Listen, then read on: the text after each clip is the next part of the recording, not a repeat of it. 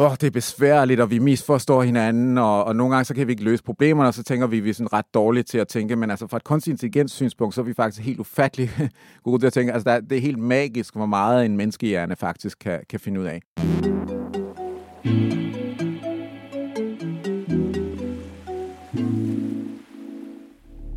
Videnskab er en menneskeret, og det skal vi tale om i denne her podcast. Her vil vi præsentere nogle af Danmarks førende forskere på hver deres felt.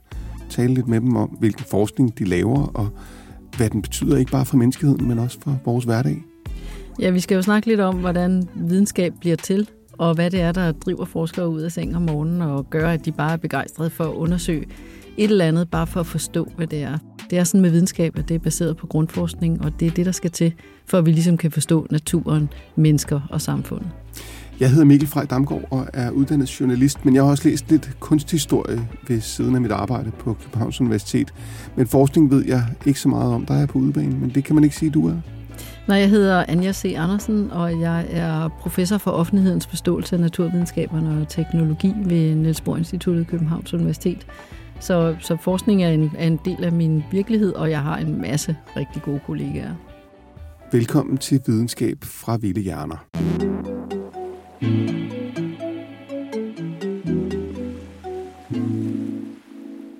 Velkommen til dig, Thomas Bolander. Du er professor i kunstig intelligens på, øh, på DTU. Øhm, og her, inden vi gik i gang, så nåede vi lige at få nævnt alle science fiction filmene, som øh, vi i vores generation er vokset op med, Blade Runner, Terminator og så videre.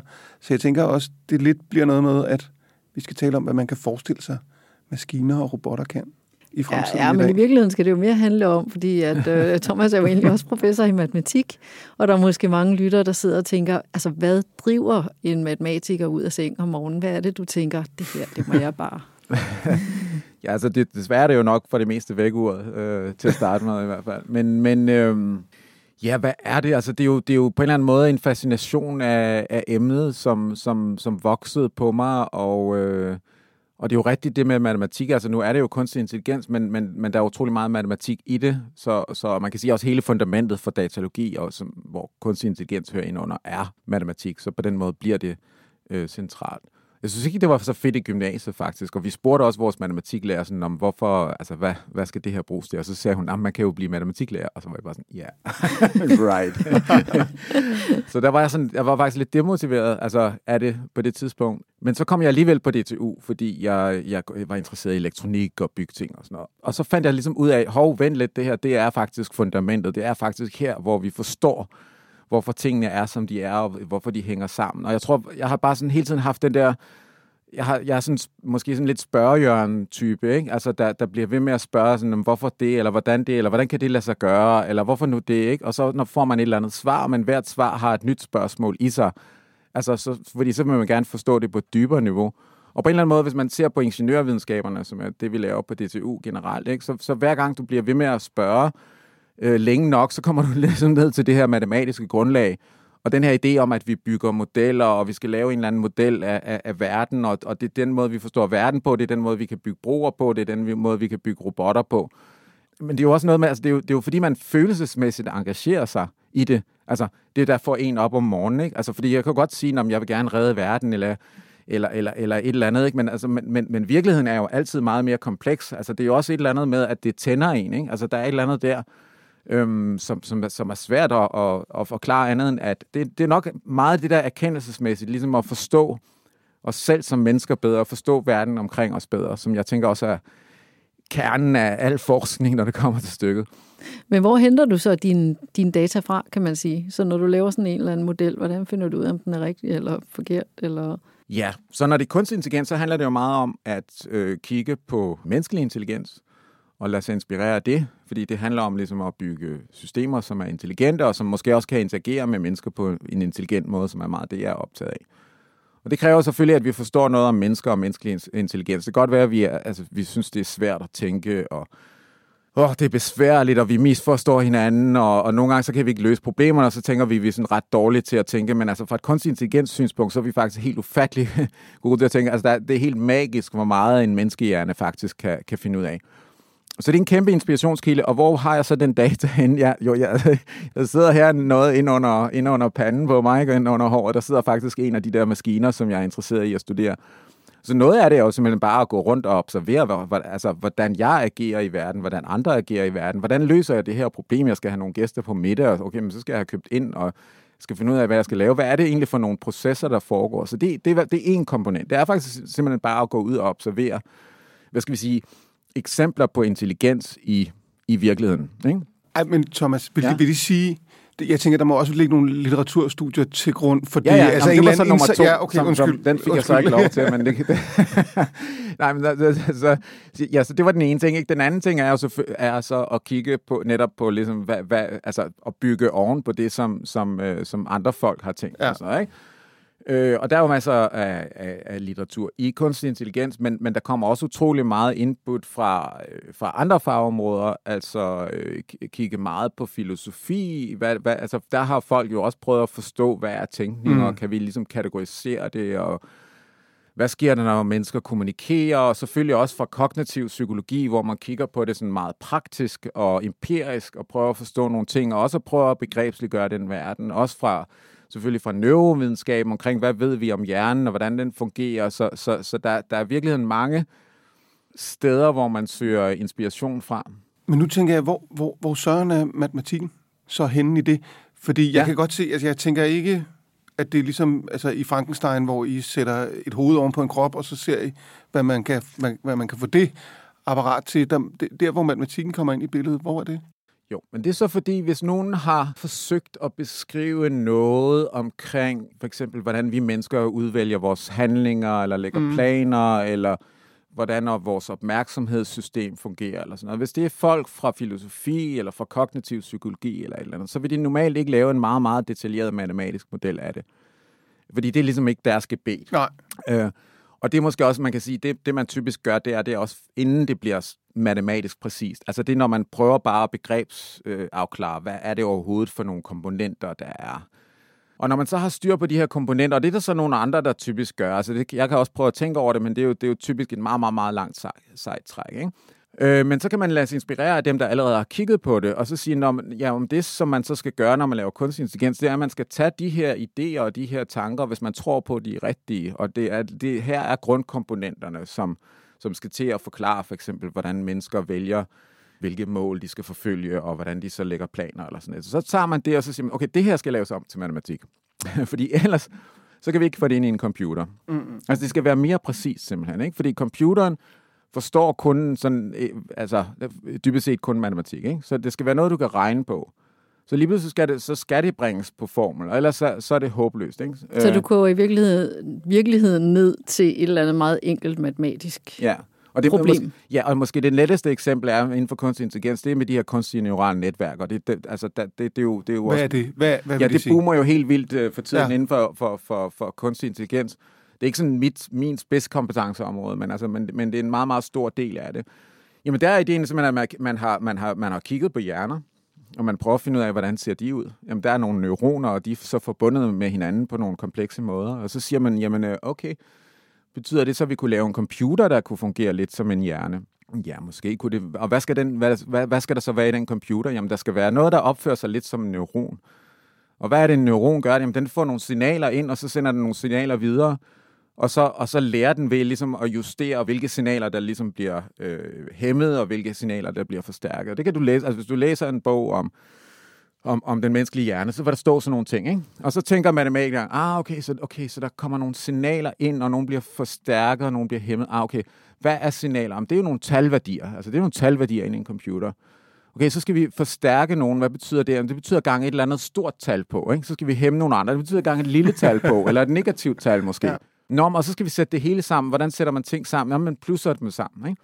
Og, så, og, og det er faktisk, altså, det, det er lidt ret hurtigt, men det, altså, det er grundideen i, i hvordan øh, neurale netværk virker. Altså, og, og, det, og et eller andet sted, så er det sådan næsten alt for simpelt, eller det er virkelig meget simpelt. Altså, den grundtanke er meget, meget simpel. Ikke? Så er men de det, der forskning... så, er, ja, ja. bare for at færdiggøre det, fordi det, der så er sket, øh, hvad skal vi sige, her over øh, de sidste 10 år, det er bare, at man har ligesom forfinet den her model, for det første. Og for det andet, så har vi fået så ufattelig meget øh, hvad hedder det, data og computerkraft, som vi kan fodre ind i de her neurale netværk. Ikke? Så, nu kan, så, så de kan genkende ansigter, og de kan filtrere øh, dårligt indhold væk fra, fra Facebook. Og, altså, det bliver brugt alle ja. steder i dag.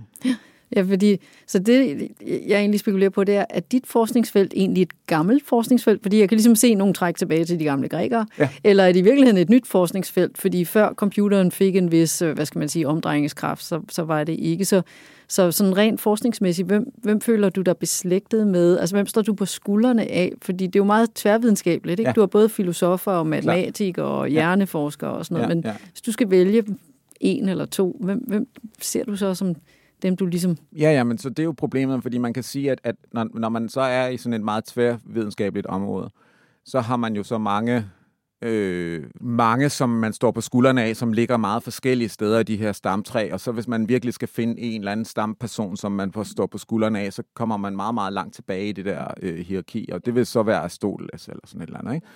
Og det vil det måske også være, fordi på en måde, så kan man sige, at altså noget af det, jeg laver, er inden for, for, for det, der hedder automatiseret planlægning, og det betyder ligesom, at jeg har et, øh, det kunne for eksempel være en robot, den har et mål, den skal lave spaghetti bolognese eller et eller andet, og så skal den finde ud af, hvordan, hvordan, hvordan sætter jeg mine handlinger sammen, så at jeg når frem til det mål. Og, og, og det er noget, han skriver om og, øh, og ligesom har tanker om, hvordan foregår det her. Så har han nogle eksempler med, med, med, hvordan en læge diagnostiserer patienter og sådan noget. Ikke? Og så har han jo også, ligesom han har startet logikken op, sådan den formelle logik, øh, som, som jeg også bygger utrolig meget på i min forskning. Så, så jeg kan godt nævne folk, som er lidt, lidt tættere på nutiden, men, men, men, men hvis man virkelig sådan skal hele vejen tilbage, fordi så er han måske også en, igen, altså som man også nogle gange siger, han er måske en af de sidste personer, der ligesom på en eller anden måde havde, havde det fulde perspektiv, og ligesom havde alle videnskaber inde i kroppen, og tænkte på alt det her på en gang. Ikke? Thomas, det synes jeg er et rigtig sjovt svar. Faktisk også i forhold til det, som jo så skal snakke om nu, som er din forskning. Ikke? Fordi, fordi det har jeg nemlig helt... Det, jeg vidste ikke, du ville sige Aristoteles, men jeg har selv tænkt, at hele den der digitaliserings revolution, som nu er i gang, og som, altså jeg er 44, så den var så småt i gang, da jeg voksede op, men har jo så fuldstændig forandret hele verden, som vi kender den. Og det har jo også fået mig til at tænke lidt over, hvad, hvad er et liv, og hvad er det egentlig, der er op og ned. Og så har jeg faktisk tænkt, at uden at have tænkt det før, så overrasker det mig på en eller anden måde ikke, at det er Aristoteles i forhold til, fordi der er en eller anden opdag verden på ny i det her forsøg på at sætte intelligens på formel, eller bevidsthed på formel, ja. eller virkelighed ja. på formel. Ja. Og, ja. Ja, ja men, det, men det er klart, at det var, fordi hans, hans idé om logik var jo også, at det er læren om korrekt tænkning. Læring, læren om korrekt tænkning, undskyld. Ja, men vel også om den komplekse tænkning, eller, eller de, de komplekse komponenter i den korrekte tænkning. Ja, altså, ja. Så, så ja. Nå, men og, og, og, og så et, et lidt længere svar også måske der er, at fordi det, du sagde, Anja, med, med i forhold til, altså om det er ungt eller gammelt, mm. øh, så kan man sige, at alle de fag, som afhænger dybt af matematikken, det, det, det kan du jo vælge at se på, som du vil, men, men de havde ikke været der uden den matematik, som ligger nedenunder, ikke? Eller så havde de været meget, så havde det været noget helt andet. Altså, hvis du skulle være bygningsingeniør, og der ikke var nogen matematik til ligesom at regne på, om din konstruktion var stabil eller ej, altså, hvad, så, så ville det jo, ja, okay, så ville det være sådan noget know-how og, og praktisk erfaring og sådan noget, men uden at man kunne sætte det på formel, og så, så vil det se helt anderledes ud i dag, ikke? det er jo et enormt øh, slagkraftigt værktøj, som har, har gjort, at vi kan se på de her ting meget mere præcist, og vi kan sige, inden vi bygger broen, så kan vi sige med sikkerhed, i hvert fald næsten sikkert, ikke? om den kommer til at, at stå, eller den kommer til at falde sammen. Altså. Ja, og det er måske i virkeligheden det, matematik gør, som jeg tror, mange mennesker ikke øh, tænker over i deres hverdag. Ikke? At hvis du kan beskrive et eller andet problemstilling, lad det være noget så enkelt som en bro, så kan du skalere det op, og så kan du sige, at hvis vi vil have, at den her bro skal være tre gange så stor, eller fire gange så stor, så skal vi gøre sådan og sådan. Fordi ja. så, så, så tør jeg godt lægge hovedet på blokken, og så holder den altså. Fordi, ja, ja. altså så, så det er jo der, hvor matematikkens styrke ligger. Ja, altså, helt sikkert. Jeg er jo selv begejstret for matematik også, fordi uden matematik kunne vi slet ikke afkode det univers, vi er en del af. Ikke? Så på den måde er matematikken jo sproget for at forstå øh, verden. Men hvad laver du egentlig sådan helt? Altså, hvad sidder du og, og er optaget af lige i øjeblikket, når du sådan går på arbejde om morgenen? Ja, men altså sådan i, i, i det store billede, så prøver jeg at, prøver at tænke over, hvordan vi kan få kunstig intelligenssystemer til at blive socialt intelligente.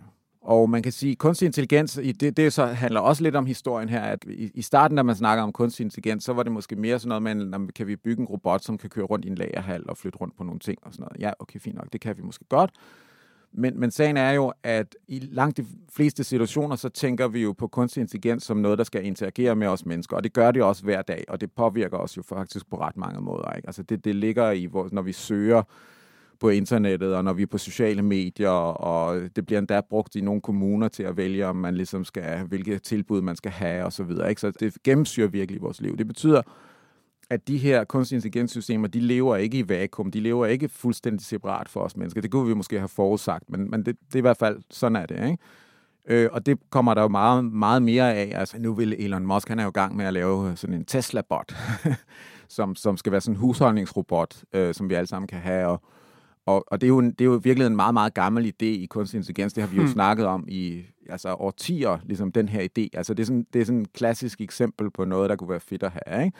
Som netop både så kan lave spaghetti bolognese og støvsuge og, og rydde op. Og, altså, så behøver vi ikke at have på flere... de rigtige tidspunkter. Ja, ja og, og, så behøver vi ikke have flere apparater, så har vi bare den, og, så, og, og den kan bare gøre alt, hvad vi nu har, har lyst til. Ikke? Men dem af os, som både har haft en robotstøvsuger og sådan en robotgræslåmaskine ting, de er jo klar over, at øh, ja, men det er også de derfor, gør nogle gange noget, ja, man ikke øh, ja, jamen, synes er så godt. Og det er også derfor, man kan være lidt skeptisk over for, om, om, om, om den der release af Tesla-botten i 2022, om det, om det kan lade sig gøre, og hvor og hvor godt det bliver, fordi jeg vil nok påstå, at der er en del problemer i det her, øh, som mangler at blive løst. Men man kan sige, at øh, ideen er der i hvert fald. Ikke? Øhm, og når, når vi så, okay, så det betyder så, at kunstig intelligenssystemer skal interagere med mennesker, og kan de finde ud af det? Mm, I udgangspunktet nej. Altså i udgangspunktet det er de rigtig, rigtig dårlige til. Fordi det har ikke været, måske kan man sige, at det ikke har været prioriteret højt nok i kunstig intelligens, men jeg tror, det er mere rigtigt at sige, at det er simpelthen bare ufattelig kompliceret. Men hvad er det, der komplicerer det? Fordi den, den, den, den, den konstitu- ja, fordi den konstituent, du, du beskriver, nu kender jeg jo også godt, jeg kan jo godt se, at det, jeg fodrer øh, min søgemaskine med, eller hvor, hvor jeg nu færdes, ja. der, kommer, der kommer noget af det samme ud. Der kommer noget af det samme ud. Noget er helt over for, noget rammer sådan set meget godt. Ja. Noget rammer skræmmende godt. Ja. Så der kender jeg det sådan set selv. Men hvad er det så, der komplicerer at, at få det til at hvad skal man sige, afveje? Det er på en eller anden måde at forstå, altså meget af det er jo noget med at forstå vores hensigter, altså at, at, at, at ligesom læse bag om, hvad vi gør og hvad vi siger. Så er vi tilbage til det første, du sagde, ja. med at observere, hvad, ja, hvad fordi, fordi man kan, og, og det har, fordi hvis man tror, at, at det vi siger har en betydning, vi kan læse ordret ud fra de ord, vi sætter sammen eller et eller andet, ikke? så tager man gruelige fejl. Og det, og det troede man jo lidt i starten i kunstig intelligens, ikke? at det var bare et spørgsmål om, at Nå, men så på en eller anden måde, så skulle man oversætte de her ord til en eller anden intern repræsentation i computeren, og så kunne den forstå sprog. Men det var da også det, du sagde i begyndelsen med at gange, gange op med store tal, eller med små negative tal, og så lægge noget sammen. Ja, det altså kan... er matematikken det rigtige sted at forstå mennesket? Øh, altså, hvis du vil have, have den ind på en computer, så har du jo ikke andre nej, valgmuligheder, nej. kan man sige. Men, men, men nu er jo netop også neuralt netværk, det er jo faktisk en anden tilgang end... Altså, dem bruger man så også i dag til at hvad hedder det, forstå sprog og generere sprog og sådan noget. Og det er en anden tilgang end, end, den, end mm. den klassiske, hvor man, hvor man prøvede ligesom at lave en en-til-en model. Det er jo meget komplekst, det er. Ikke? Men, men, altså, men, men, men det er jo også noget med, at, at vi, okay, så, så vi mennesker, vi, vi fortolker altid hinanden øh, sådan intentionelt, altså målorienteret. Ikke? Altså, vi, vi kigger på nogle ting, og så tænker vi på, hvor, kan vide, hvorfor du gør det? det gør, altså, vi gør det vidderligt automatisk. Og det er måske også interessant i forhold til det her med forskning. Det betyder, at vi alle sammen forskere, altså i det små. Og måske især børn faktisk er forskere, ikke? Fordi jeg, jeg hørte på et tidspunkt sådan Peter Wust, som er hjerneforsker, han gav sådan en ganske glimrende foredrag om, om, om det her med, med, med, med menneskehjernen og hvordan den udvikler sig og sådan noget. Og det er jo også noget med, at den, den bygger hele tiden de her modeller af, hvordan verden hænger sammen. Ikke? Så når et lille barn ligesom skubber sutten ud over bordkanten og ser den falde ned, ikke? Så det, altså, det er ikke for at irritere forældrene. Det er, altså, det er faktisk for at tjekke. De tester tyngdekraften. De, te- ja. de tester, kan det nu være rigtigt? er det, altså, nu har jeg gjort det fem gange, men hvad, hvad hvis jeg gør det igen? Sker det igen, ikke? Og på et tidspunkt bliver det kedeligt, fordi så har, så har man ligesom etableret den der øh, model ja. af verden. Så har man etableret den teori, så ved man, at oh, ja, det er faktisk rigtigt. Ikke? Så det er jo, og, og læring er jo, altså, så, så, og, og det er jo kæmpestort også i kunstig intelligens, fordi meget af det handler om læring. Ikke? Fordi fordi netop hvis du skal agere i en verden, som, som kan ændre sig, øh, så bliver du nødt til at kunne lære, fordi ellers så kan du ikke være fleksibel i den verden. Og hvis vi ser sådan på de helt gamle computersystemer, så, så kunne de ikke, de kunne ikke finde ud af at lære erfaring. Og dermed så, så, så blev de snot dumme, fordi at du, hvis du ændrede på noget, jamen så, så gik de bare i stå. Ikke hvis du satte en kasse foran en robot, så vil den jo bare støde ind i kassen. Altså ja, i, for ja, evigt. Ja. så, så der er noget der med at, at, at lære, og, og, og det prøver vi jo selvfølgelig også at forstå, jamen, hvordan, er det, hvordan er det, vi lærer? Ikke? Og, det, og det handler hele tiden om at, at opdatere den her model, vi har af, af verden. Hvor meget kan I så nu med, med, med jeres kunstig intelligens? Fordi det der er jo et rigtig ja. godt... Vi har jo alle sammen set de der første robotter. Jeg kan huske i 90, nej, det var måske lidt senere, begyndelsen af nullerne, som ikke kunne gå op ad trapper, eller som gik ind i den samme genstand igen og igen og igen ja. og igen. Ja. Og det gør, det gør de jo, des, det gør de jo desværre lidt. Altså, ja, det er jo, jeg er jo ked af, at jeg skulle sige det, ikke? men det gør de jo lidt desværre stadigvæk. Men, jeg, men, altså, men det har jo rykket helt ustyrligt meget, vil jeg sige. Altså, jeg startede vel for 20 år siden, eller sådan noget. Altså, der er virkelig sket meget. Altså, der er virkelig meget, som for os dengang for 20 år siden var sådan legetøjseksempler og tegnebræts til mm. og sådan noget. Og man kunne jo forestille sig, at man engang i en fremtiden har en robot, der måske kunne det her og sådan noget. Der er jo helt ustyrligt meget af det, der er blevet til virkelighed. Altså, det er gået fra at være noget, som har været, været meget teoretisk til også at være noget, der har utrolig store øh, praktiske implikationer. Ikke? Og så er der måske stadigvæk langt igen. Altså, det er jo så noget andet, altså, der, og, det er, og det er der helt sikkert. Der er virkelig langt igen. Ikke? Men, men, men det er jo fedt at se, at, at, det, at det bliver til noget, ikke? Fordi, fordi på et tidspunkt, altså, det, det var ikke åbenlyst, at det skulle blive til noget. Altså, og, og der har jo også været kriser, der har været kæmpe kriser i, i kunstig intelligens. Altså for eksempel omkring 1970, hvor at, øh, den britiske regering de, de besluttede at sløjfe alle investeringer, altså al, al forskning i kunstig intelligens, fordi der, der blev lavet sådan en rapport, som skulle ligesom belyse, hvad har man fået ud af det her. Ikke? Og, så, og den konklusion var, jamen altså, vi var blevet lovet, at i løbet, altså i, i 50'erne var vi blevet lovet, at i løbet af 20 år, så havde vi computer, der var klogere end mennesker. Vi har ingenting. Altså, så, så, så væk med det, ikke? Altså, og, og så gik der ret lang tid, det er måske først faktisk op omkring 90'erne, hvor det begynder at blomstre lidt igen. Og nu, nu tror jeg, altså nu, nu ser det ud som om, det er rimelig vel etableret. Men det er jo en interessant historie, også generelt, når vi snakker forskning. Altså det her med, hvad er det, vi tror på, og hvad vil vi investere ja. i? Ikke? Øh, også, også ligesom omkring grundforskning. Hvornår er grundforskning pengene værd, og, og sådan, hvad, hvad bliver det til? Ikke? Og der kan man sige, at kunstig intelligens har jo så bare måske dummet sig også lidt ved, ved at love guld og grønne skove i forhold til, hvad det, altså, hvor hurtigt det vil gå, og hvad det så kunne bruges til. Men man skal jo ikke undervurdere også, at den, altså den grundforskningsmæssige vinkel er det, fordi når vi snakker om det her med at lave matematiske modeller af, lad os sige, kognitive fænomener, altså noget med, hvordan vi tænker og sådan noget, så har det jo også, i, det har jo også en erkendelsesmæssig værdi. Ja, præcis. Fordi det synes jeg, jeg er jo, det er jo, jeg, altså, altså det, er, jeg, det er fedt at lave robotter, der kan noget, og det, det er mega fedt at se, at, at de kan det, men, men, men der er jo en mindst lige så stor komponent øh, for mig, som handler om det, om det erkendelsesmæssige. Og hvis der er noget af verden, man skal forstå, ikke? Øh, så igen det der med, at hvis man gerne vil bag om tingene, og bag om tingene, og bag om tingene, så ender man jo også tit netop så med, med os selv. Ikke? Sådan, jamen, okay, i sidste ende, så handler det jo bare om mit, altså forholdet mellem min hjerne og verden udenfor. Ja. Og så, og så er det lige pludselig det, der bliver det, der, der bliver det mest spændende at kigge på. Hvad pokker er det, der er, sker i, i, i, i det forhold? Og så fordi jeg er sådan en matematiknørd, som jeg nu er, så vil jeg gerne forstå det så præcis som muligt. Altså det vil sige, at, at jeg kan godt læse artikler, som så, lad os nu sige, det var fra kognitiv psykologi eller filosofi, som beskriver det, men så savner jeg sådan lidt, åh, det, hvad hedder det, det falder ud som sand imellem hænderne på mig lidt agtigt, ikke? Sådan tænker, ja, så bruger de det der ord, men, ja. men nu bruger de det derovre, så bruger de det lidt anderledes. Jeg er ikke helt sikker på, at jeg forstår det, og så får jeg lyst til at gøre det mere præcist. Ikke? Ja. Så det passer perfekt for mig.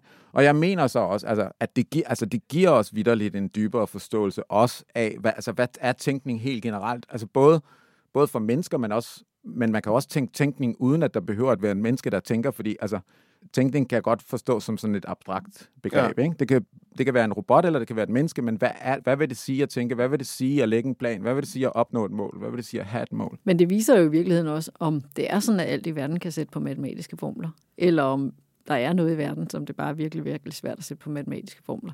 Der er jo ingen tvivl om, hvis man bare laver formlen kompleks nok, så kan man sikkert godt, ikke? men så er den måske ikke så meget værd som sådan... Men det Nej, kunne, ja. Det, ja. Jamen, det kunne være, fordi vi, vi nærmer os afslutningen, så det sidste spørgsmål er jo i virkeligheden... Det Men der, ikke jeg det tror lige, hun er åbnet op for noget, der tager mindst 30, altså Ja. ja. 30 minutter mere. ja. hvis vi Men, men hvis du skal den. svare kort, Thomas, ja. altså hvad, hvad, hvad er potentialet? Altså hvad, hvad det, du sidder og laver, hvad er din, hvad er din forestilling om, hvad det kan, hvad det kan drives til? Jamen, jeg, jeg tror, jamen det igen lidt, bliver lidt tilbage til det, til jeg sagde før, ikke? Der, jeg ser to øh, potentialer i det. Det ene er, at vi forstår os selv som mennesker bedre, og den der trang til at forstå mere, som vi jo alle sammen, eller i hvert fald næsten alle sammen har. Men, men, og, men så hver gang vi forstår noget bedre, så, altså hvis vi forstår, hvorfor noget går galt, eller hvis jeg forstår, hvorfor jeg får våde fødder, så, så, så er det også, at jeg begynder at tænke, ah, okay, ah, det er fordi min sko ikke er tætte, måske skulle jeg have et eller andet vandtæt at tage på mine fødder, ikke? Altså, og, og, når hvad med, hvad med gummi? Nå, det kunne måske godt fungere, og så har man opfundet en gummistøvle og sådan noget, ikke? Altså, så, så, så erkendelsen leder jo også ind i Ja. ja. innovationen sådan næsten mere eller mindre automatisk, ikke? Fordi så, så er det lige pludselig ikke, så er vi ikke i en verden, der virker tilfældig og uorganiseret, og hvad der end sker, så der, der er intet, vi kan gøre. Så finder vi ud af, at vi kan kontrollere verden, vi kan gøre noget i verden, ikke? Og, og, og når vi har det her med tænkning, jamen, så er det jo netop ind i kunstig intelligens at få lavet nogle, nogle kunstig intelligenssystemer, som er federe og bedre og, og, og, og sjovere at interagere med, end, end det vi har i dag. Og hvad kan, hvad kan vi forestille os, at de kunne? Jamen, altså, det- jamen det, det er jo så husholdningsrobotter for eksempel, som ikke er røvirriterende, og som ikke misforstår alting, ikke? og som ikke fortæller os alt det, vi ved i forvejen, men lader være med at fortælle os det, vi har brug for at vide, fordi den ikke forstår, hvad vi har brug for at vide. Altså Blade Runner-filmen der, som jeg håber, lytterne har set, ret fantastisk science fiction-film. Noget af det, der er kludet i den, er, at der findes en øh, robot, Uh-huh. som ikke ved, at den selv er robot. Ja. Hvor lang, hvor lang er det? Jo, ja, det er nok langt ud. Men jeg tænker bare sådan noget helt lavprisende. Jeg bliver gammel. Jeg vil enormt gerne have sådan nogle robotter ude på badeværelset, der kan hjælpe mig med personlig hygiejne. Så jeg føler, Så, så, jeg er okay, vi- vi okay, hold- fordi at de simpelthen bare hjælper mig med at vaske mig bag i, eller hvad okay. jeg nu har brug for. Og så kan jeg programmere dem, sådan så at de har lige præcis den temperatur på vandet, som jeg gerne jeg godt kan lide. Okay, så behøver vi- jeg ikke vi at gemmer- vekselvirke med et, et menneske, der, skal, der har deres egen idé om, hvad der rigtigt skal bare gøres. Vi gemmer Blade Runner. Hvor langt Jeg kunne godt tænke mig, at det er sådan i, i, i køkkenet. Ikke? Altså, jeg, det, det er fedt nok at være med til at lave mad. Men altså, lige til at hakke guldrødder og skrælle kartofler og sådan noget, det, det er lidt kedeligt, ikke? Altså, så, i stedet for at have de der madkasser og sådan noget, ikke? Så, så går robotten ud og handler ind. Og så kommer den hjem med det, ikke? Og så, og så laver, så, nej, okay, men jeg vil altså gerne have lov til at krydre maden, ikke? Fordi det, altså, Ja. det er trods alt mennesker, der skal spise den. Men du må gerne lige, hvis du okay. vil hjælpe, så må du gerne lige hakke nogle guldrødder og skrælle nogle kartofler og sådan noget. Altså, der er jo kæmpe potentiale. Vi er jo hele tiden drevet af at få mere tid til at gøre de ting, vi synes er sjove, og aflaste os. Ikke? Altså, og man kan sige også, også teknologi og robotter, det er jo også noget med fysisk aflastning, og sørge for, at, vi, at, at mennesker ikke skal lave Mm. tunge løft, og så har vi en gaffeltruck, men det kunne også være en robot eller et eller andet. Ikke? Så, så den vej også, vi vil gerne have mere fritid og sjovere fritid og sådan noget, og vi vil have bedre sundhed og bedre madkvalitet, og alt det der er jo drevet af teknologi. Så det er jo sådan en nat- naturlig øh, drive i den retning. Øh, og det skal selvfølgelig netop ikke være de der science fiction skræmme scenarier, hvor robotterne overtager det hele og finder ud af, at løsningen på det der problem med deres sociale intelligens, det er at sørge for, at der ikke er nogen mennesker, fordi så er der ikke noget behov. Fordi Nej. de forstår hinanden ganske udmærket. Det er også mennesker, der er nogle mærkelige væsener. Ikke? Så de skal lave alt det grove, så vi kan lave alt det sjove. Ja, og, ja, og så kommer der selvfølgelig sådan nogle etiske Ja, diskussioner præcis, med. og der kommer faktisk også noget Aristo- Aristoteles i forhold til det der med, om, om, om det grove også kan rumme en værdi i sig selv. Ja, og det, og det er mega komplekst, fordi så er der også nogle filosofer, der siger, at det er, så, det er så også et problem, fordi hvis vi begynder at øh, behandle robotter dårligt, så bliver vi korrumperet i vores, øh, vores empatiske Ja. system, og så behandler vi også andre mennesker dårligt og sådan noget, og så har vi igen øh, plads til øh, 3-4 podcasts mere om det. Thomas Bolander, det var enormt interessant, og tiden er virkelig fløjet afsted. det er godt. Tusind tak, Thomas. Ja, selv tak.